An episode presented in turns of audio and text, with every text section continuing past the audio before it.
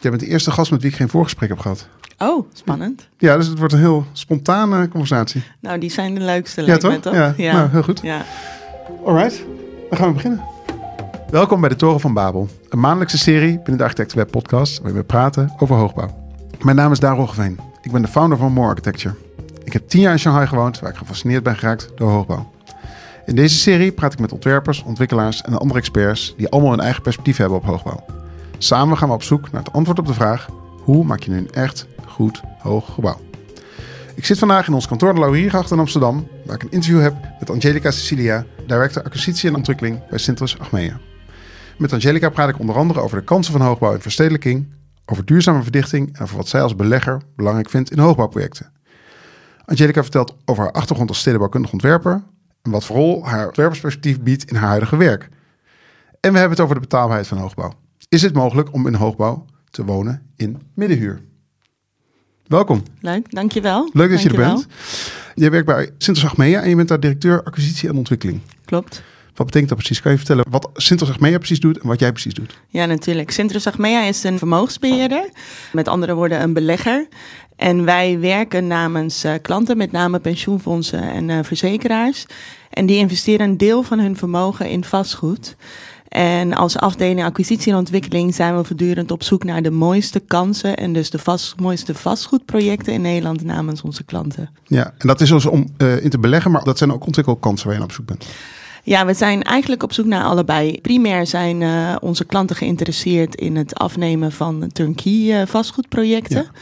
Maar we zien eh, steeds meer dat je ook eerder posities moet kunnen innemen om eh, uiteindelijk toch wel eh, voor nieuwe aanwas te zorgen als het gaat om uitbreiding van de portefeuilles. Ja, Dus je merkt ook wel dat beleggers ook steeds eerder instappen in processen. Maar het is primair zo dat onze pensioenfondsen een organisatie zijn met een FBI-status. Dat betekent, dat betekent dat ze primair willen beleggen en niet zozeer willen en kunnen ondernemen. Dus als we al een ontwikkelpositie zelf hebben, zoeken we daar altijd partners bij. Dan moet je denken aan ontwikkelaars, ontwikkelende bouwers, die ons helpen en eh, een deel van het risico op zich nemen als het gaat om het ontwikkeltraject. ja, dus jullie zitten eigenlijk, want jullie klanten zijn dan de echte pensioenfondsen. Klopt? En jullie werken samen met ontwikkelaars om posities tot Ontwikkeling, ontwikkeling te brengen. Ja, ja, ja. En het liefst zitten we zo vroeg als mogelijk natuurlijk aan tafel. Om ja, ook zo goed als mogelijk te sturen op het eindproduct. Ja. Want de fondsen weten zo'n beetje wel heel goed wat ze willen hebben. En uiteindelijk kopen we dat vastgoed alleen om die te kunnen doorverhuren. De focus is met name het middensegment, middeldure huur. En daar willen fondsen op dit moment heel graag in investeren. Maar die projecten brengen we allemaal in de exploitatie. En dat wordt verhuurd aan, eh, ja, laten we even de, de huurders eh, noemen. En van die inkomsten wordt uiteindelijk rendement natuurlijk gemaakt Ja. die weer naar de pensioenfondsen gaat voor de premie, eh, de pensioen, pensioengerechtigden. Ja. En je zegt, het zijn met name woningen, dus dat is het enige waar jullie op inzetten? Of, De eh, focus is op dit moment met name eh, woningen en, eh, en zorgvastgoed. ja, En dat laatste is wel echt een eh, grote focus op dit moment, omdat we gewoon zien dat we in Nederland echt te weinig aanbod hebben als het gaat om zorgvastgoed. En tegelijkertijd zien we een groeiende interesse vanuit de beleggers om te investeren in het zorgvastgoed. Vooral omdat de vraag heel erg groot is. Je ziet de toename van senioren natuurlijk in Nederland, zie je demografisch alleen maar groeien. Ja. En het aanbod blijft heel erg achter. En wat is zorgvastgoed dan? Zijn dat woningen of zijn dat ook eh, ver- verpleegtehuizen of ziekenhuizen? Hoe moet ik dat zien? Zorgvastgoed, dat kunnen levensloopbestendige, maar er moeten ook toekomstbestendige woningen. Dus je zou als vitale senior in eh, kunnen starten en uiteindelijk toch wel best lang kunnen wonen, omdat je die woningen al gereed maakt voor de rolstoel, de draaicirkels. Ja. Je kent het als Ja. architect, dus die zijn echt wel levensloopbestendig, zeg maar woonkeur plus plus. Met een bepaald zorgconcept. Dus als we al eh, levensloopbestendige woningen kopen, dan proberen we altijd in de plint of eh, in de nabijheid echt zorg ook georganiseerd eh, Ja, te krijgen. ja. Maar daar horen ook intramurale zorginstellingen bij, of GGZ-instellingen. Dus het is heel breed, maar ook eerste lijns en tweede lijns zorg. Maar dan heb je het bijna over gebiedsontwikkelingen. Dat is niet eenmaal één gebouw, toch? Of wel? Nou, vaak kan je heel veel in een gebouw kwijt. Met name als het gaat om de combinatie van bijvoorbeeld een deel intramurale zorg. Dus dan heb je het over wat kleinere units gecombineerd met een gezamenlijke ruimte. Ja. En tegelijkertijd kunnen we ook daar in hetzelfde gebouw ook uh, levensloopbestendige woningen maken. Dus dat zie je steeds meer. Dus wij proberen, omdat het aanbod in Nederland zo weinig is op dit moment, proberen we ook binnen de vastgoedprojecten die we hebben lopen, proberen we zorg te maken. Ja, slim. Omdat je vaak ziet dat er te weinig zorglocaties worden toegewezen. Heel veel gemeentes die zijn nog niet zo ver dat ze echt een gemeentelijke visie hebben over die zorgopgave en met name de oplossingen in de wijken en de buurten. Ja, ja. Want uiteindelijk wat je ziet is dat de senioren het liefst in die eigen wijk of dat eigen buurtje willen blijven wonen. Ja. En als dat aanbod er niet is, dan blijven ze net wat te lang of net iets te lang in, uh, ja, vaak toch of dat te grote appartement of die eengezinswoningen wonen. Ja, Ja. dus dat is een heel nieuw... Is dat een heel nieuw speelveld voor jullie? Of het valt Het is, het is, ik denk niet dat het een nieuw speelveld is, maar we kampen op dit moment wel echt met een tekort, waardoor het wel steeds urgenter aan het worden is. Ja. En je weet hoe het gaat in planontwikkeling. Dat duurt een aantal jaar. Zeker. Dus als we niet nu al inzetten op het concreet benoemen van deze locaties en die met elkaar tot ontwikkeling gaan brengen, ja, dan wordt het probleem alleen maar groter. Ja, Ja. helder. Hey, jij bent dus op dit moment belegger, of in ieder geval je werkt bij een belegger, maar je bent opgeleid als bouwkundige en stedenbouwer. Klopt? In eerste instantie heb je bouwkunde en civiele techniek gestudeerd in Curaçao. Ja, klopt. En- Ik eh, kom uit Bonaire. Ja, En eh, ja, daar had je toen eh, na de HAVO 5, ik was 16, had je niet echt een vervolgstudie. Dus het was ja, of eh, de keuze trouwen met de lelijke buurman en vijf kindjes maken. Of de keuze om heel snel weg te wezen. En ja, ik heb voor de tweede gekozen. En toen ben ik gaan studeren op Curaçao. Daar heb ik een gecombineerde HTS-studie bouwkunde en civiele techniek gedaan. Dus heel erg technische bouwkundige studie. ja, En daarna ben ik naar Nederland verhuisd en toen ben ik in Delft gaan studeren ja. Eerst met de intentie om daar civiele techniek te gaan studeren. En toen ik kreeg te horen dat ik alle wiskunde overnieuw moest doen, dacht ik, Ja, ja. nou, laten we dat maar niet doen. En toen leek het me wel heel leuk. Maar toen en was je al afgestudeerd ingenieur. Ja, toen was ik al afgestudeerd ingenieur. Ik was ook naar Nederland verhuisd en toen ben ik naar een ingenieursbureau gegaan. En daar ben ik eigenlijk mijn carrière in Nederland gestart. En tegelijkertijd stedenbouw in, eh, in Delft gestudeerd. Oh, fascinerend. Maar je hebt dus ook heel jong al die keuze gemaakt voor bouwkunde of voor de Ja, gebouwde op de een of andere manier klinkt dat heel raar, maar ik wist al heel vroeg, heel jong, dat ik ooit naar de TU Delft zou gaan. Oh ja. En vraag me niet hoe dat kwam of whatever. Waarschijnlijk heb ik ooit of een stuk of een artikel daarover gelezen. En ik dacht van, ja, mij heeft altijd de openbare ruimte, de gebouwde omgeving, alles wat met ja, ruimtelijke ordening te maken heeft, heeft mij altijd enorm geïnteresseerd. Ja, Ik ben opgegroeid op een klein eiland met toen de tijd 11.000 inwoners. Dus ja, georganiseerd in twee dorpjes. En ik was altijd gefascineerd over, ja, hoe kom je van plek A naar B en wat is de kwaliteit van die ruimte en hoe gebruik je dat? ja. En eh, ja, dat was een beetje een vanzelfsprekendheid dat ik naar Nederland zou komen om, eh, om stedenbouw te studeren Maar uiteindelijk. dat was voor het eerst dat je in Nederland ging wonen. Ja, ik heb... eh, Je was er misschien wel eens geweest al. Ik, toen ik eh, die HTS-studie aan het doen was, het bijzondere van die studie eh, was dat je twee stages moest lopen. Je Oh ja. moest een korte stage van een maand lopen. Dat heb ik bij een bouwbedrijf eh, toen de tijd op eh, Bonaire gedaan. Maar je moest ook een lange stage, zoals dat heet, moest je eh, lopen. En dat was een stage van eh, negen maanden. En ehm, ja, toen kreeg ik de gelegenheid om die in Nederland te doen. Ja, Dus toen ben ik bij eh, toen de tijd IBC, Koninklijke Oh ja, ja. IBC bouwgroep nog.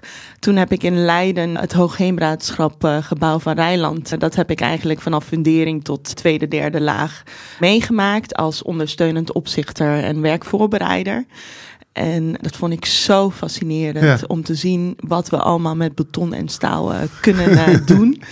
Dus een hele interessante. Dus ja, altijd gefascineerd van de bouwen. En toen de tijd, ja, super fijn dat ik eh, die ervaring kon opdoen op, de, op, een bouwplaats in Nederland. En ja, toen wist ik nog zekerder dat ik hierheen wilde. oh, wat grappig. Ja, ja. Maar het is ook opmerkelijk dat je dus op dat hele concrete niveau van bouwen en HTS gebouwen maken bent begonnen. En vervolgens meer naar die grotere schaal toe gegaan. Ja, ja, die grotere schaal heeft me altijd geïnteresseerd. Maar wat ik belangrijk vond altijd, is om te snappen hoe dat op alle lagen werkt. Ja, Want je kunt als stedenbouwer snel een, een, een verkavelingsplan maken. Maar ik vind het ook belangrijk dat je echt snapt hoe die woningplattegrond er uiteindelijk uitziet. ja, Zodat je juist die interactie tussen die woning en de direct omliggende context, of de buurt, of de wijk, of de, noem maar op, alles wat daarbij komt kijken, ja. Dat je ook heel goed snapt hoe dat werkt. Ja. Want infrastructuur is be- belangrijk, mobiliteit is belangrijk. Maar de kwaliteit van de woning is ook heel belangrijk. Ja, absoluut. Dus Ja. je, je bent in staat om door die lagen heen te denken als ware. Ja, ja, en het fijne daarvan is dat ik merk dat ik in mijn werk nu bij een belegger, want het is natuurlijk niet vanzelfsprekend dat je als ontwerper bij een eh, belegger eh, eh, belandt. Ik merk dat ik elke dag al die schaalniveaus inzet. Ja, Want ik kan heel goed begrijpen of de taal spreken van, van de bouwer, de aannemer. Maar die ook van de ontwikkelaar, maar ook die van de ontwerpers Ja. en dus ook van de gemeentes. Dus dat helpt ons wel in processen om te snappen waarom bepaalde partijen doen wat ze doen Ja. en wat de belangen zijn. En ja, voor een deel is het ook ons werk als belegger, want we, zijn op zoek naar haalbare casussen. En dat vraagt iets van iedereen. Dus helpt het ook heel erg als je snapt wat de belangen van de tegenpartijen of van de stakeholders, de partners zijn waarmee je samenwerkt. ja, ja, dus altijd ook tussen verschillende partijen bewegen is eigenlijk je rol dan in het, eh, Exact. in het Ja, voor elkaar krijgen. Uiteindelijk willen we natuurlijk het hoogste kwaliteit waar kunnen maken voor, de, voor die pensioenfondsen.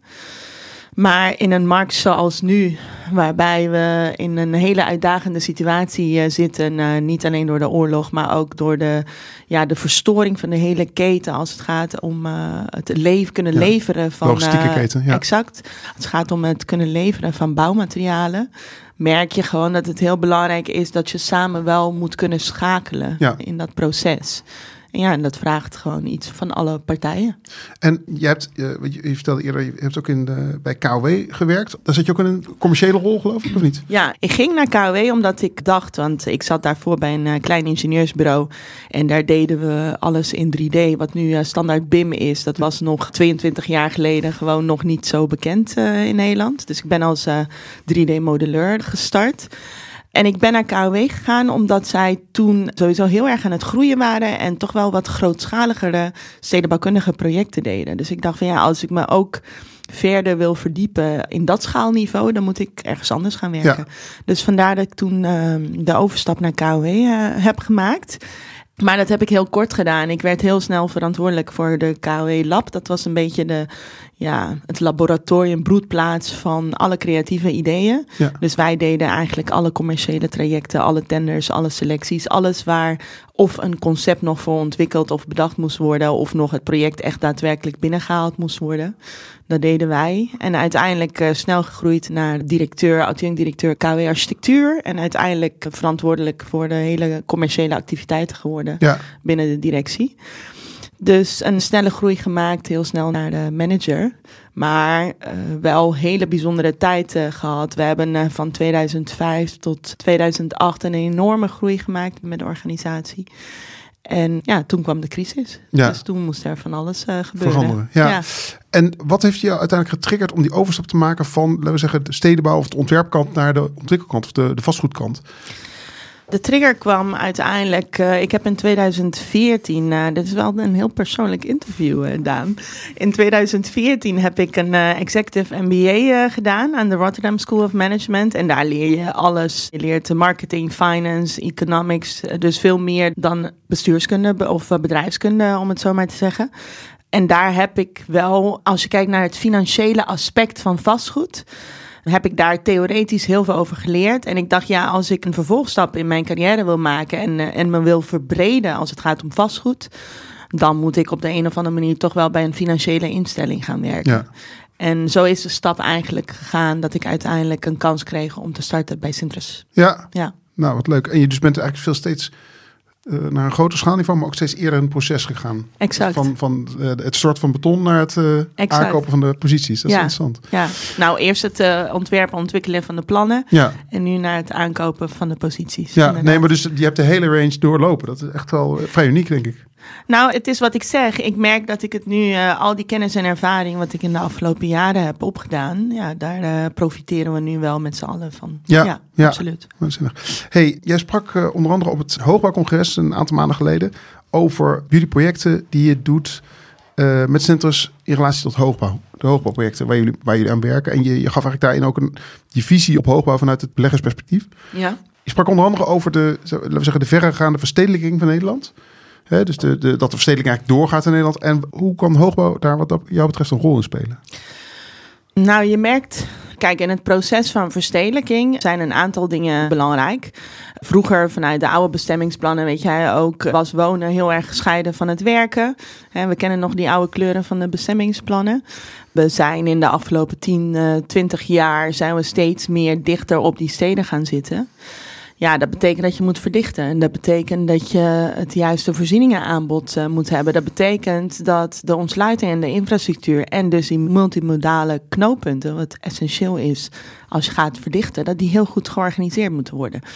Dus als je het hebt over de movement naar de stad, zien wij dat die verdichting met zich meebrengt, of die verstedelijking brengt met zich mee, dat je moet gaan verdichten. En dan is hoogbouw een logische keuze als het gaat om wat kunnen we en hoe kunnen we verdichten. Dus we zijn met z'n allen steeds meer hoogbouwen aan het realiseren. Maar we zijn wel heel kritisch als het gaat om het product hoogbouw. Wij zijn kritisch omdat, ja, om, om jou een voorbeeld te geven, ik woon zelf in hoogbouw in Rotterdam. Ik woon in, uh, in de Terrace Tower.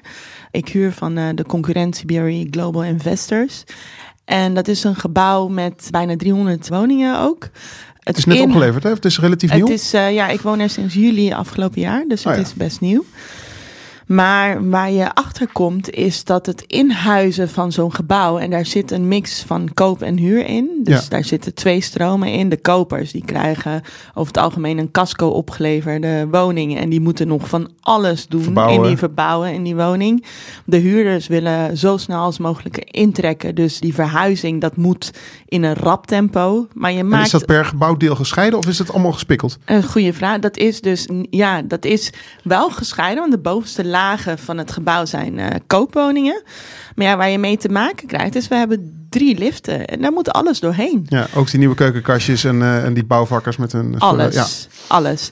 Dus in het begin is het een uh, drama. Wat je dan ook krijgt, is dat bij dit soort gebouwen met allemaal nieuwe, moderne systemen, slimme gebouwen over het algemeen, dat de sensoren in het begin natuurlijk heel gevoelig zijn. Ja. Dus we wonen er sinds juli en we hebben ondertussen al heel veel brandalarmen achter ons uh, gehad. Ook midden in de nacht. Oh, wow.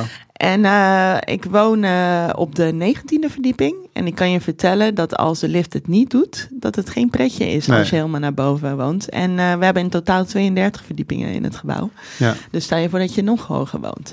Dus het is fascinerend eigenlijk om te zien hoe. Kijk, het ontwerpen en ontwikkelen van zo'n gebouw is al een enorme uitdaging. Ja, met name zeker. ook in deze tijd maar ook de exploitatie van zo'n gebouw. Dus ja. ik heb echt in de afgelopen tijd enorm veel respect gekregen voor zo'n beheerder en uiteindelijk eigenaar van het gebouw. Want het valt gewoon niet mee om dit goed georganiseerd te krijgen.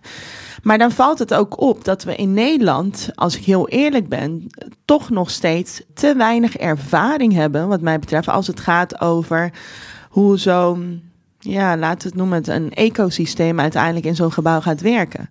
Want dat bedoel je de relatie tussen de bewoners onderling? De relatie tussen de bewonende community, zeg maar, wat je moet creëren en moet bewaken in zo'n gebouw. Zeker. Uh, ja. Ik bedoel, eenzaamheid, contact met de buren, asociaal gedrag. Ja, hoe lang mag ik mijn afvalzak net voor de deur laten staan of niet? Wanneer, weet je, wanneer gaan mensen zich aan elkaar irriteren? En hoe uitzicht dat op de platforms die er zijn? Hè? Want je hebt een uh, groepsapp, uh, maar je hebt ook een platform binnen het gebouw waarop je kunt communiceren. Nou, in het begin is dat niet fijn, want er wordt enorm veel geklaagd en gezeurd, ja. om het zo maar te zeggen. Maar ja, het heeft ook met ontwerptechnische aspecten te maken. Ja. Want afval is een uh, belangrijk aandachtspunt. Uiteindelijk denk ik dat de afvalruimte bijvoorbeeld in dit gebouw gewoon te klein is voor de hoeveelheid mensen die er wonen. Even los van alle karton wat je in het begin ja, krijgt als het gaat verhuizen. Ja, dit zijn wat simpele voorbeelden, maar het zijn ook wel belangrijke aandachtspunten waar we mee moeten dealen. Dus als we het al hebben over hoogbouw, vind ik dat wij het dialoog en het gesprek veel meer met elkaar moeten gaan voeren over de kwaliteit van het hoogbouw wat we maken. Want het begint met een haalbare casus, maar het begint ook met een goed ontwerp. Het begint over het heel goed nadenken van de combinatie van de plattegronden die je maakt, de woningplattegronden. Wat is mijn aanbod? Wat is het doelgroep? Hoe gaan die mensen uiteindelijk met elkaar samenwonen in zo'n gebouw? Maar ook de algehele organisatie daaromheen is ja. een goed uh, aandachtspunt. Want om even het concreet te maken, de, de, uh, het gebouw waarin jij woont is vrije sector, huur en koop. Klopt.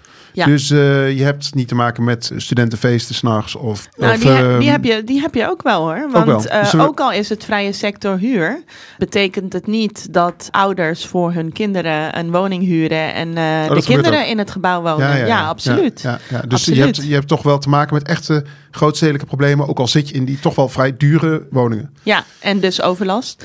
Ja, dat speelt natuurlijk ook een rol. En hoe ga je om met het organiseren daarvan? Want als ik in een Phoenixwijk woon en mijn buurman of buurvrouw heeft gewoon een groot feest, meestal word ik daarover geïnformeerd. Ja, of uitgenodigd. Of uitgenodigd, Ja. ja. dat is de beste oplossing, Ja, want dan gaat niemand klagen. Maar in zo'n gebouw waar ik in woon, nou, ik, ik word niet uitgenodigd per se door mijn buren om naar het feestje te gaan. En ik mag blij zijn als ik goed contact heb met mijn buren, dat ik geïnformeerd word dat ze in het weekend een feestje gaan hebben. En dat soort zaken spelen ook wel een rol, want je woont heel compact en heel dicht op elkaar. Ja, Daar heeft ook mee te maken. En je zegt dus eigenlijk van we zijn in Nederland nog niet, hebben nog niet geleerd om in dit gebouwtype. We hebben nog geen langjarige geschiedenis om- in dit gebouwtype als het ware. We hebben nog niet met elkaar heel goed geleerd hoe het is om samen te wonen in hoogbouw. Ja, nee, ja. nee. En dat is eh, vanuit een beleggersperspectief natuurlijk fascinerend. Want wat jij in je eigen gebouw aantreft, daarvan weet je dat ga- gaan mijn, mijn gebouwen die ik aan het ontwikkelen ben en waar ik eh, Exact, die financier, exact. komen er ook dit soort problemen tegen. Ja, ja, en hoe pak je dat vroegtijdig aan? Ja. En hoe stuur je eigenlijk op het minimaliseren van, ja, van klachtenstromen, van happy bewoners, om Ja. het, als het daarover gaat, aanbod van de juiste services. Want als je het hebt over verstedelijking, merken we dat we ook steeds meer gaan sturen op specifieke concepten. Dus het specifiek linken van bepaalde doelgroepen aan bepaalde concepten. Dus als je in een gebouw zit waar heel veel young professionals bijvoorbeeld wonen, dan zien we ook steeds meer dat er niet per se eh, een wasruimte in de woning zit. Nee, Dus dat, dat we de wasruimte gaan delen. Maar dat moet je ook goed organiseren. zeker. Dus ik vind dat we wel steeds professioneler aan het worden zijn in het goed nadenken over hoe het product past bij die specifieke doelgroep. Ja. ja. Dan noemde je net al van hoogbouw is complex, maar ook de, je noemde al eventjes de haalbaarheid als een aandachtspunt. Er komen misschien ook daar nog wel even op over die, het, betaalbaar wonen in, in hoogbouw. Maar wat is nou de, de complexiteit van hoogbouw in vergelijking met andere soorten gebouwen die jullie financieren en eh, ontwikkelen? Kan je daar iets over vertellen? Jazeker. De complexiteit ligt hem vooral in eh, als je gaat verdichten en hoe hoger je gaat bouwen, eigenlijk hoe duurder het gebouw is. En als je probeert. Kijk, eh, je had het net over het gebouw waar ik in woon, is vrije sector huur. Nou, Ja. daar betaal je ook gewoon hele hoge huren. Ja, Dus dat maakt de business case over het algemeen aantrekkelijker. ja. Ex- Exact. Maar als ik als belegger heel graag het middensegment in, die, eh, in dat gebouw wil hebben. En dus bijvoorbeeld maximaal een huur van 1100 euro per maand kan vragen. Dan is dat, eh, dat bepaalt de business case. ja. En in een markt waar de bouwkosten eigenlijk enorm aan het stijgen zijn en eigenlijk niet gestabiliseerd zijn en nu door de situatie waar we in zitten nog erger lijken te worden, is het niet vanzelfsprekend dat we hoogbouw met elkaar kunnen realiseren. Dus dat vraagt, vind ik, dat wij moeten gaan nadenken over nog slimmer bouwen met elkaar. Dus het, gaat, het vraagt om een bepaalde engineering van het gebouw. Dus hoe kun je heel slim met materialisatie omgaan ja. eh, in hoogbouw en toch nog steeds kwaliteit maken met elkaar. Wat ga je wel of niet prefabriceren? Hoe ga je het gebouw zo maken dat het flexibel is en misschien in de toekomst eh, alternatief aanwendbaar zou kunnen zijn? Hoe ga je plattegronden maken waar je misschien start met een studio, maar toch wel later een slaapkamer in kunt maken? Ook in huurwoningen. Dus dat Ook mensen in- hun eigen huurwoning kunnen gaan verbouwen, bedoel je dat? Dat niet per se, maar stel dat de doelgroep die je hebt bedacht als we, want je begon al over, eh, als we bijvoorbeeld de sluisbuurt als casus, als voorbeeld Ja. nemen. Daar hebben we een gebouw van 289 appartementen. Ja, dat is het gebouw Dat wordt door de gebouw- architectency is eh, ontworpen. hè? Exact. En die wordt gebouwd door de JP van Eesteren, onze partner in het eh, traject. En wat we daar maken is een product wat gemiddeld 60 vierkante meter groot is. Twee à drie eh, kamerwoningen heeft. Maar wel binnen zo'n slimme, flexibele structuur is gemaakt of gebouwd. Dat we later, stel dat het gebouw van, een, eh, van de ene belegger naar de andere gaat. Of dat de behoefte op die plek eh, iets anders zou worden. Dat je ook binnen die woningen nog wel aanpassingen zou kunnen maken. Nou heeft dat wel consequenties nog steeds voor je installaties en alles wat daarbij komt kijken. Ja. Maar ja, Dan kijk ik langer dan 10 à 15 jaar. En dat wil zeggen dat je woningen bij elkaar kan trekken, wil je dat? Ja, of nog meer splitsen. Dus afhankelijk splitsen, van de behoeften eh, van de plek, dat je daar ook in kunt eh, meebewegen. Ja. Een ander voorbeeld qua flexibiliteit. Wij hebben net een project in Delft eh, opgeleverd. Ja, dat, volgens mij praten we over hoogbouw als het hoger dan 70 vierkante Ja. of 70 meter Hangt van de is. plek of, af, hè? Dat is vaak heel erg locatiegebonden natuurlijk. Maar nou, ja. daar realiseren we ook een gebouw met ruim 20 eh, verdiepingen. Met heel veel kleine units. Eh, en daar praat ik over units van eh, gemiddeld 40 vierkante meter. Maar in dat gebouw hebben we nu al samen met eh, de ontwikkelende bouwer, en dat is Vorm, hebben we nu al in, in de wanden sparingen laten meenemen. We hebben we goed nagedacht over het kunnen groeperen van de buitenruimtes van de balkons. Dus ik kan later dit gebouw transformeren naar units van eh, 80 of 100 of 120 vierkante meter. Maar ik zou zelfs naar units van 20 vierkante meter kunnen met een zorgconcept. ja. En doordat je in je ontwerp al bepaalde zaken meeneemt, maak je het ook voor de belegger aantrekkelijker om te investeren in dat gebouw nu. ja, Want als ik heel eerlijk ben, is de belegger niet per se op zoek naar hele kleine units. nee. Want eh, daarvan zeggen ze, ja, dat zien we niet als een heel duurzaam eh, product. Maar door dit in het voortraject al met elkaar zo slim aan te pakken, bieden we een product aan wat, ja, wat de tand destijds zou kunnen weerstaan. En wat is, wat dat ben ik wel benieuwd naar, met wat voor termijnen kijken jullie dan? Want hè, je hebt nu bij zo'n spreken daar in Delft, eh, zeg je 40 vierkante meter voor die studio's. Ja. Over hoe lang wil je dat gaan heroverwegen? Dus wanneer gaan die tussenwanden eruit of gaan die, tussen, die, die nog meer tussenwanden erin? Goeie vraag. Onze investeerders kijken eigenlijk minimaal, als ik kijk naar de, het rendement en het financieel model van onze investeringen, dan praat je over gemiddeld eh, 20 jaar. Maar als je puur kijkt naar het vastgoed en hoe lang onze klanten die in beheer eh, of in eigendom hebben, dan praat je over 30 plus jaar. Oh, wauw. Dus onze klanten, en als, ze, als, als we het hebben over goede posities, eh, die klant, als dat product gewoon goed blijft draaien. En daarmee bedoel ik dat we het gebouw eh, voortdurend vol kunnen hebben met huurders Ja, voor die klant. verhuurd, ja. Dan blijft dat over het algemeen wel een aantrekkelijk product. Dus onze type klanten, en dat zijn institutionele eh, investeerders, institutionele beleggers, die investeren echt voor de lange termijn. Ja. Wat voor beleggers zijn dat? Kan je daar een voorbeeld van noemen? Even gewoon voor de luisteraar om te weten. Ja, zeker. Als we het hebben over eh, de pensioenfondsen waar we voor werken, voorbeelden daarvan eh, zijn bijvoorbeeld een bedrijfspensioenfonds voor de landbouw. Dat heet bij ons eh, BPL Pensioen. Maar ook een pensioenfonds voor de Meta Electro. Daar werken we ook voor. En deze klanten investeren één op één zelf in het vastgoed. Ja. En daarnaast hebben we natuurlijk onze eigen fondsen. Bijvoorbeeld onze huisfonds ADRF, waar heel veel beleggers in samen investeren. Ja. Komen je, dus misschien meer een soort van curiositeit, maar komen jouw klanten dan ook weer kijken bij die gebouwen of beoordelen die dat puur op de Excel-sheet, zullen we zeggen? Of is daar ook nog een inhoudelijk gesprek? Nou, het wordt steeds inhoudelijker. En dat maakt het niet alleen leuker, maar het is ook echt nodig. Ja, Want de afstand tussen de fiduciair, dus- dus degene die de honneurs waarneemt namens de bestuurders van de pensioenfondsen, die wordt steeds, steeds kleiner eigenlijk. We merken zelf dat heel veel bestuurders van pensioenfondsen eigenlijk één op één hun ambities aan ons kenbaar maken. We hebben bijvoorbeeld, om een concreet voorbeeld te geven, hebben we gezien dat de afgelopen eh, jaar pensioenfonds van de Meta Electro Ja. heel erg veel interesse heeft getoond in houtbouw. Dat is interessant. Dat ja. is heel interessant, want ze zien dat ze met hun investeringen toch wel degelijk heel veel impact kunnen hebben als het gaat om de CO2-reductie, Ja, als het gaat om het nemen van je verantwoordelijkheid, als je het hebt over maatschappelijk rendement. ja, Dus het is niet alleen bedienen van een specifiek doelgroep en in dit geval de middensegment, want die valt tussen een wal en schip als je niet oplet. Maar het is ook met elkaar proberen het product wat we realiseren steeds duurzamer te maken. En ja, alle uitingen, alle films wat we hebben gezien in de afgelopen jaren als het gaat om de veranderingen in de wereld en eh, de CO2-reductie die, en eh, die klimaatdoelen wat we met elkaar moeten halen, dat helpt ook wel in het versnellen met elkaar naar een, eh, ja, naar een duurzamere gebouwde omgeving. Ja. En daar hebben wij die beleggers, die investeerders heel erg voor Ja. nodig. Daar hebben die steden die de verstedelijkingsopgave eigenlijk zo hoog op de agenda hebben staan, die hebben deze investeerders ook hard nodig. Ja. Maar de investeerders willen ook heel graag. ja, ja.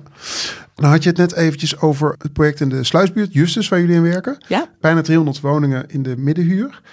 Alleen maar middenhuur. Alleen maar middenhuur. En ja. kan je iets meer vertellen over hoe dat project tot stand is gekomen? Want het is het eerste gebouw op Sluisbuurt, op die nieuwe hoogbouwwijk die Amsterdam aan het eh, plannen is. Ja. Dat was geen tender. Jullie hebben daar, hadden daar een grondpositie. Hoe werkt dat? Nee, wij hebben uh, deze positie aangereikt gekregen als ontwikkelpositie vanuit de gemeente Amsterdam. En dat heeft te maken met een uh, proces wat daarvoor liep. En dat is het uh, 1012 Inc. project. Dat was een initiatief toen der tijd van Van der Laan, die op zoek is gegaan naar investeerders die eigenlijk één op één samen met hem de harde opgave wilden aanpakken in uh, de 1012 buurt. Dus de, de oude roze ja, buurt ja, ja. Van, van Amsterdam. Dus hij was op zoek naar partners die hem wilden helpen om deze panden voor een groot deel aan te kopen te verduurzamen en vooral andere programmering te gaan toevoegen aan de binnenstad, zodat het gewoon veiliger, aangenamer zou uh, en leefbaarder dus zou worden. En 1012 Inc. is uh, uiteindelijk, daar zijn twee klanten van ons ingestapt, BPL en uh, RPF, dat is Rabo Pensioenfonds. Ja. Die, uh, die zijn daar ingestapt in, samen met de gemeente Amsterdam en uh, corporatie Stadgenoot. Dus dat is een, uh, een, samenwerking die investeert eigenlijk in de binnenstad en ervoor zorgt dat ja, de sociale veiligheid en de leefbaarheid omhoog gaat. En toen der tijd praat ik, ja, wat zou het zijn, 2016, 2015, 2016, een initiatief. Uit die tijd hebben wij vier ontwikkellocaties aangeboden gekregen in ruil voor de investeringen die werden gedaan ja. in de binnenstad. Dus omdat je daar je nek uitstak, zei de exact. gemeente, dan, dan gaan we samen uh, dit soort locaties met elkaar tot ontwikkeling brengen. Nou, belonen, je hebt natuurlijk wel een positie, maar het moet nog steeds wel voor iedereen een haalbare casus uh, Ja, dat was tegelijkertijd misschien ook wel riskant. Om, uh, je gaat in een, in een grote zandbak nu een toren maken waar geen metro is en geen uh, tram. Exact. er is nog weinig. De plannen zijn heel ambitieus. De gemeente wil daar uh, even uit mijn hoofd 17 torens uh, ja, gaan bouwen. Ja. Maar aan de andere kant, als je nu kijkt naar de opgave in Amsterdam, de vraag is wel heel hoog. En uh, met name in het middensegment zien wij dat die vraag alleen maar uh, blijft toenemen. Ja. Dus die klanten hebben toen hun nek uitgestoken, daar komt het eigenlijk op neer. En daarvoor hebben ze deze vier locaties gekregen. En daar is Justus één van. En dat is eigenlijk de laatste locatie wat we tot ontwikkeling hebben gebracht. En uh, volledig middensegment in een tijd waar die bouwkosten allemaal toch wel onzeker waren. Ja, dus hoe doe je dat? Hoe ga je ervoor zorgen dat je dit uh, toch wel met elkaar kunt realiseren? Nou, dat vraagt, ik zei het al in het begin uh, een beetje, dat vraagt van iedereen wat. Dus dat vraagt niet alleen iets van de belegger, maar ook iets van de gemeente, maar ook iets van onze partners. Dus ook de architectency en ook JP van Eesteren. Ja. Dus we hebben heel snel, doordat we voor ja, in het begintraject al alle partijen bij elkaar hadden, hebben heel snel via een aantal uh, hele heftige pressure cookers met elkaar gekeken naar de, naar de opgave. We wilden middensegment. Ja, wat was er zo heftig in die pressure cookers? Kan je dat iets vertellen? Dat waren workshop-achtige sessies of dat, zo? Dat waren workshop-achtige sessies. En dat waren sessies met open boeken. Dus kijk, in de basis, wij moeten als Sintres namens onze klanten moeten we niet alleen maatschappelijk rendement realiseren, maar ook met name financieel rendement. Ja. Want die investeringen, die moeten we toch wel voor een deel kunnen terugverdienen, zodat uh, die premies uh, later uitgekeerd zouden kunnen worden. Dus financieel rendement is in de basis ook een uitgangspunt. Ja, nou, dus als de gemeente niet haalbaar is, dan gaat het gewoon niet door. Klaar. Dan gaat het niet door. Ja. Maar we moeten het wel kunnen bouwen voor de huren die we kunnen en moeten gaan vragen. De, de gemeente ja. zegt ook van, jongens, we gaan dit met elkaar doen. Maar wij vinden het ook belangrijk, net zoals die pensioenfondsen, dat het echt middensegment is. Dus wat kunnen we met elkaar doen om het te realiseren. Dus dan ga je heel goed kijken, niet alleen naar de bouwkosten, maar ook fine-tunen in het ontwerp. Ja. Dan want, ga je... want de huur ligt vast, dus wat je gaat opbrengen, de opbrengsten liggen gewoon helemaal vast. Daar kan je niks aan veranderen. De liggen vast. En hoe maak je toch wel een goed gebouw? En soms moet je concessies doen, hè? want ja. we vinden duurzaamheid heel belangrijk. We vinden uh, een mooi gebouw heel erg belangrijk. We hebben ook wat algemene ruimtes, dakparken en noem maar op in het gebouw. Ja, dus daar moet je ook wel voor kunnen betalen. Ja. Dus dat vraagt iets van iedereen. Maar als je bepaalde uitgangspunten al als leidend met elkaar bepaalt, nou, dit is de opgave. Hoe gaan we dat met elkaar vullen? Ja. Hoe gaan we dat haalbaar krijgen? Ja, dat zijn wel hele interessante trajecten. En je vertelde open boek, maar wat betekent het dan? Dus jullie, jullie gaan Dat- gewoon aan van wij mogen zo, we, hebben zoveel. Dat betekent, dit, wij mogen zoveel. Dit betekent het als rendement voor de, voor de fonds. Maar Ja. dat doet de ontwikkelaar ook. Die, je legt eh, zo'n statistieken op tafel. die ligt eh, zijn stieken op tafel. En de gemeente die kijkt mee. Iedereen kijkt mee. En Iedereen de gemeente het- legt ook het grondbod open op tafel. Ja, iedereen bespreekt vanuit zijn eigen belangen. Want Ja. iedereen heeft een belang. Hè? De gemeente heeft een belang, maar ook, ik bedoel, de ontwikkelende bouwer moet ook eh, centjes kunnen verdienen. Ja, uiteraard. Dus hoe krijg je dat zo scherp als mogelijk? Daar Ja. gaat het eigenlijk Ja. om. Wat zijn de- Zonder, zonder de kwaliteit wat je met elkaar beoogt uit het oog te verliezen. Je zegt het waren eh, heftige workshops. Wat waren de belangrijkste concessies die jij hebt moeten doen? Om een voorbeeld te geven, wij hebben vanuit Sintres Achmea hebben we een eh, programma van eisen. Ja, Dat hebben eigenlijk alle beleggers. Maar dat geeft een bepaald kwaliteitsniveau eh, aan eh, van het product die we graag zien. ja. En eigenlijk wil je dat product eh, helemaal af hebben als je turnkey een project afneemt. Nou, je gaat gewoon kijken van ja, waar kunnen we in schuiven? Eh, Wat kan eruit? Wat kan eruit? Hoe kun je dat het beste aanpakken? Moet het met of zonder eh, behang? Hoe gaan we om met hele basic zaken zoals plinten? We hebben een bepaalde kwaliteit als het gaat om sluiten en hangwerk. Waar kun je zeg maar hetzelfde kwaliteit, maar misschien met een andere prijskaartje krijgen?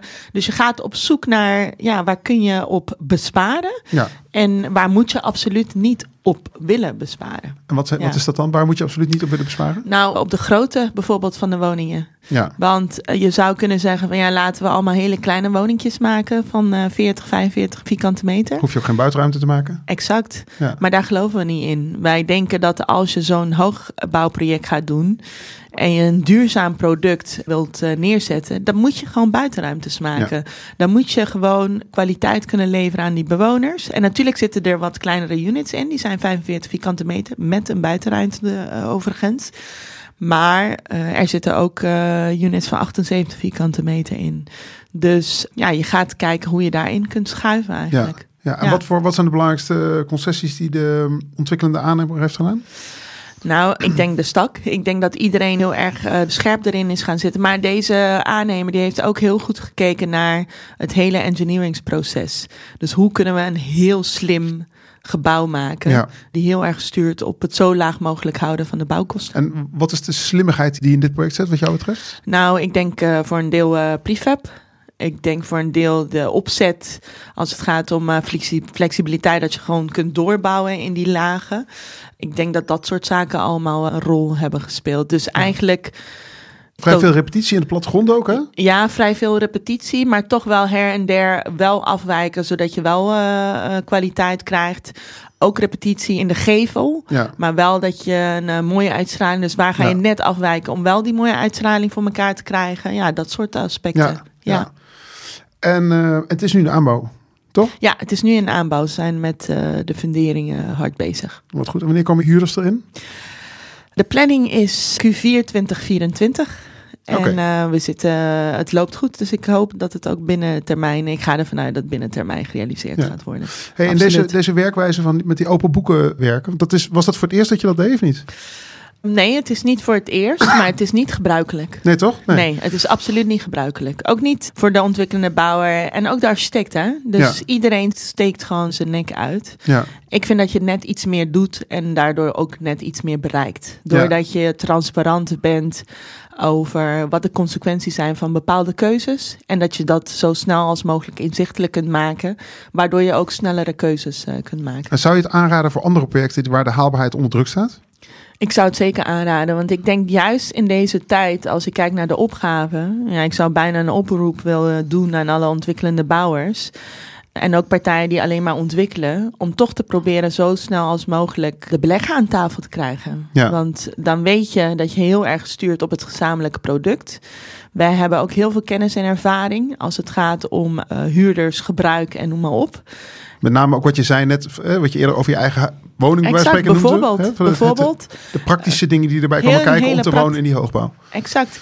En, en laten we reëel zijn, we willen gewoon mooie projecten en goede projecten vooral realiseren met Ja. elkaar. Dus we hebben daar allemaal baat bij als we met elkaar vanaf het begin kijken naar de, naar de echte opgave. Ja. ja. Ja. Nou, noemde jij in je lezing in de hoogbouwconferentie ook een aantal kansen voor hoogbouw. En een van de dingen waar je het ook al eerder over had, was mixed use. Dus het, het mengen van verschillende programma's in hoogbouw. Ja, Kan je daar iets meer over vertellen? Want ik kan me voorstellen, zeg maar, traditioneel gezien is het natuurlijk zo dat beleggers of beleggen in kantoren of in winkels of in woningen. ja Dat is, zeker. dat is heel erg in, eh, eh, gesegmenteerd. in specifieke asset classes. Ja, noemen we eh, dat, maar ja. Jullie, jullie pakken dat heel anders aan. Nou, we proberen dat heel anders aan te pakken. Want je ziet juist in die verstedelijkingsopgave waar we het over hebben gehad. Als je in de stad woont, merk je gewoon dat je in je plint goed moet nadenken over wat voor programmering je toevoegt. En je moet goed, ja, je moet ervoor zorgen dat de juiste voorzieningen er zijn. En het zijn niet alleen voorzieningen à la eh, leisure en vrije tijd en, eh, en noem maar op. Ik bedoel, ik moet niet alleen ergens goed koffie kunnen drinken. Maar tegenwoordig, ja, ook aan combinaties van eh, werk, flexibele werkplekken, et cetera. Dat speelt ook een belangrijke rol. Hoe groter de volume op een plek, eigenlijk hoe meer je moet nadenken over de combinatie van de functies. En wij komen van een tijd waarbij eh, klanten met name in specifieke eh, gebouwonderdelen willen investeren. Ja. En we proberen steeds meer te verschuiven naar een mixed-use eh, tijd. Waarbij we proberen zoveel als mogelijk klanten mee te nemen om ook voor een deel te investeren in de voorzieningen die in het gebouw zitten. En wij hebben zelfs de ambitie om ooit echt dat mixed-use fonds, een mixed-use fonds met elkaar te gaan realiseren. Ja.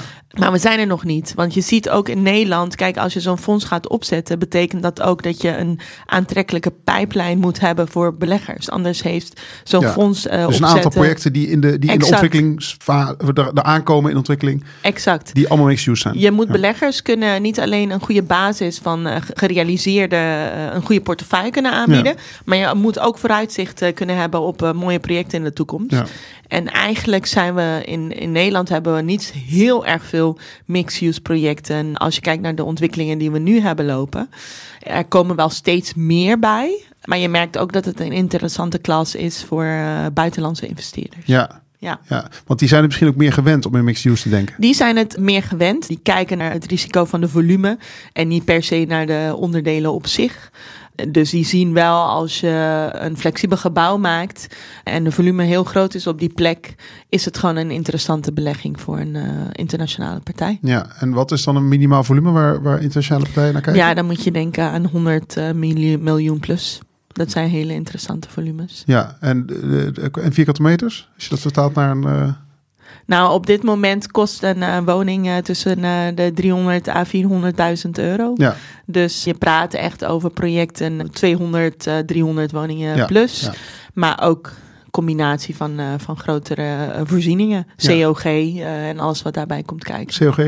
COG commercieel onroerend goed. Dus echt ook in het gebouw zelf hebben van retail bijvoorbeeld. Maar ook een eh, goede brasserie of een plek waar omwonenden naartoe kunnen gaan om eh, te lunchen Ja. of te dineren.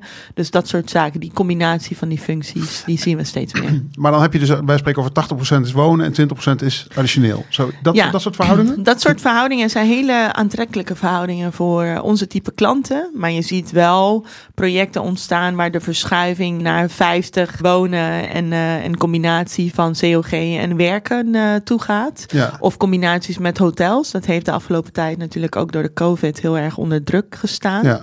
Maar combinaties waar ook hotels in zitten, zijn voorbeelden van projecten. En die, ja, die hebben wel echt onder druk gestaan. Omdat je gewoon hebt gezien door COVID dat, dat hotels niet een asset class waren.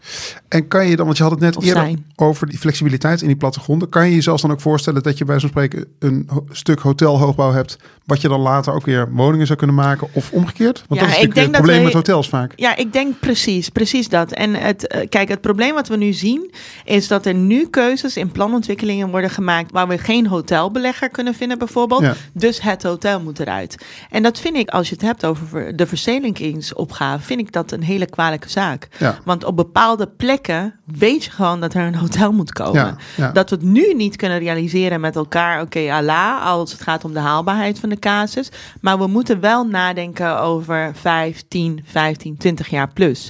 Dus dat betekent dat wat we nu bouwen en misschien niet direct een belegger kunnen vinden voor dat deel, dat we het wel zo flexibel moeten maken om in de toekomst dat wel te kunnen doen. Dus wat je nu ziet, dat plannen waar hotels in zaten, dat we nu gaan naar bijvoorbeeld shortstay oplossingen of eh, gaan nadenken over wat kleinere units die later wel een hotel zouden kunnen worden. Dus Ja. je merkt wel dat je wel met elkaar in gesprek bent over: oké, we kunnen nu dat hotel niet realiseren.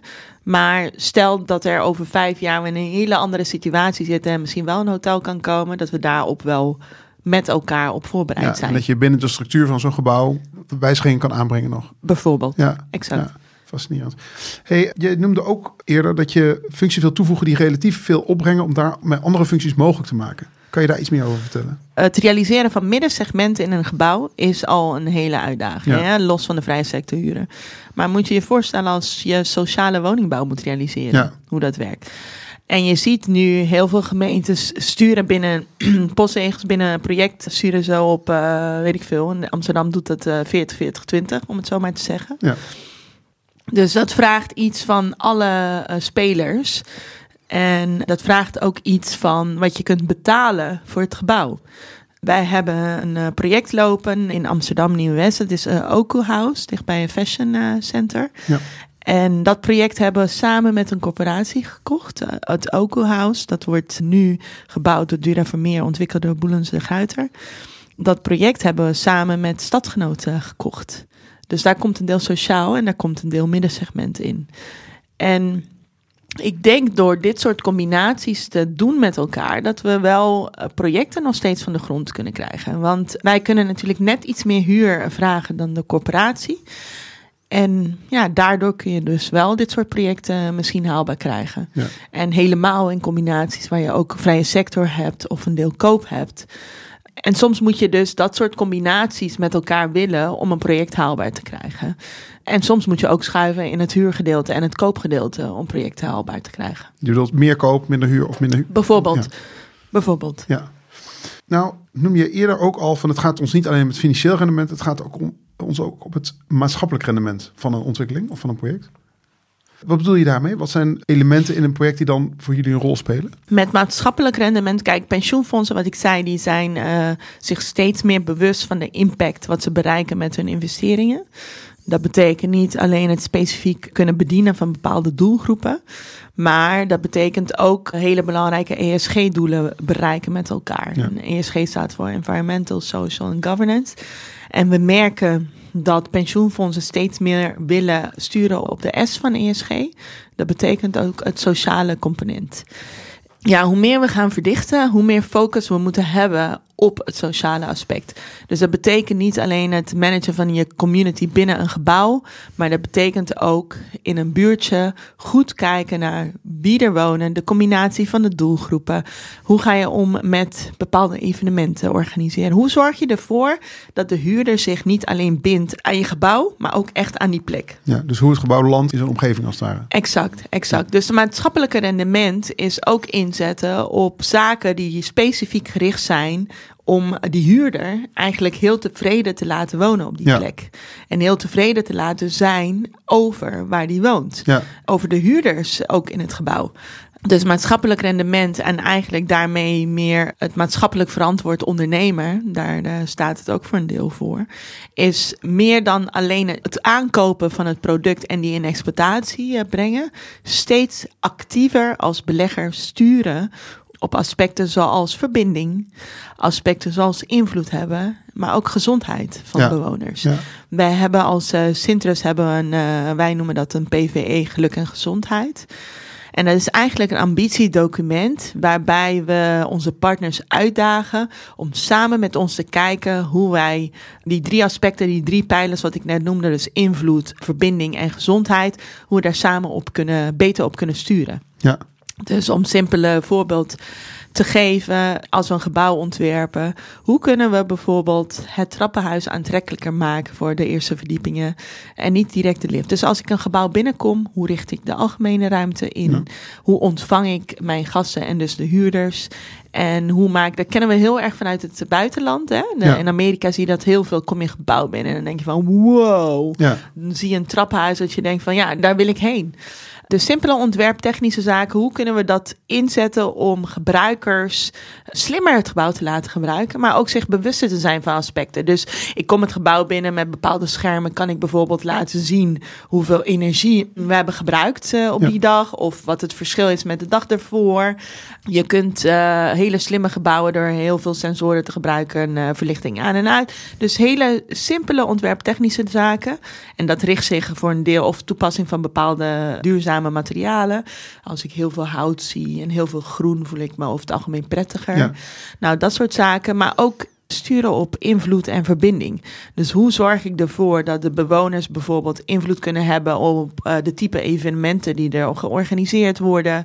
Hoe zorg je ervoor dat ze invloed kunnen hebben op de services die je aanbiedt? Als je uh, start met een bepaald aanbod, want we bedenken concepten en dan start je in de basis met een aanbod van een aantal services. Ja. Nou, naarmate het gebouw uh, groeit en ouder wordt, kun je eigenlijk monitoren of de match doelgroep en service aansluiting Of het heeft. werkt, ja. Of het werkt. Ja. Dus Als ik uh, een kapper uh, aanbied als een van mijn services en ik merk op een gegeven moment dat niemand gebruik maakt van de kapper, omdat er heel dichtbij of het gebouw daarnaast gewoon een uh, goede kapper zit. ja. Ja, dan moeten we dat misschien niet aanbieden. Dan moet je iets anders aanbieden. Dus jullie blijven gewoon heel erg betrokken bij niet alleen het, het fysieke gebouw, maar ook wat er in gebeurt. Exact. En, en veel meer sturen op ook wat erin gebeurt.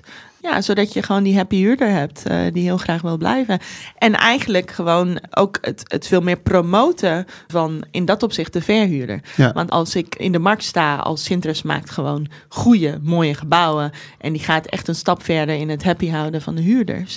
Als hij wil verhuizen of in zijn leefcarrière een andere woning nodig heeft. Ja. Dat hij altijd ook wel naar de volgende Sintres woning zou Ja, dus gaan. het is ook in jullie eigen belang om dat exact, goed te houden. exact. Hey, nou sluiten we deze podcast altijd af met, of de, de hoofdvraag is uiteraard, hoe maak je nou een echt goed hoog gebouw? Wat zou jouw antwoord zijn op die uh, vraag? Nou, mijn een echt goed hoogbouwproject maken, dat maak je door, denk ik, in het begin echt toch wel met alle betrokken partijen goed na te denken over wat je wilt gaan maken.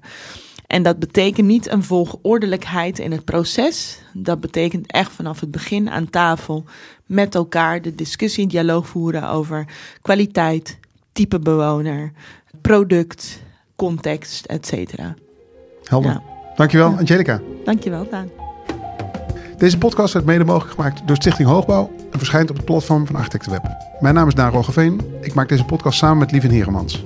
Muziek werd gemaakt door mijn broer Job Roggeveen. Volg deze podcast via je eigen podcast-app. Reacties kun je sturen naar hoogbouw.more-architecture.com. Tot volgende maand. Dankjewel. Dank je.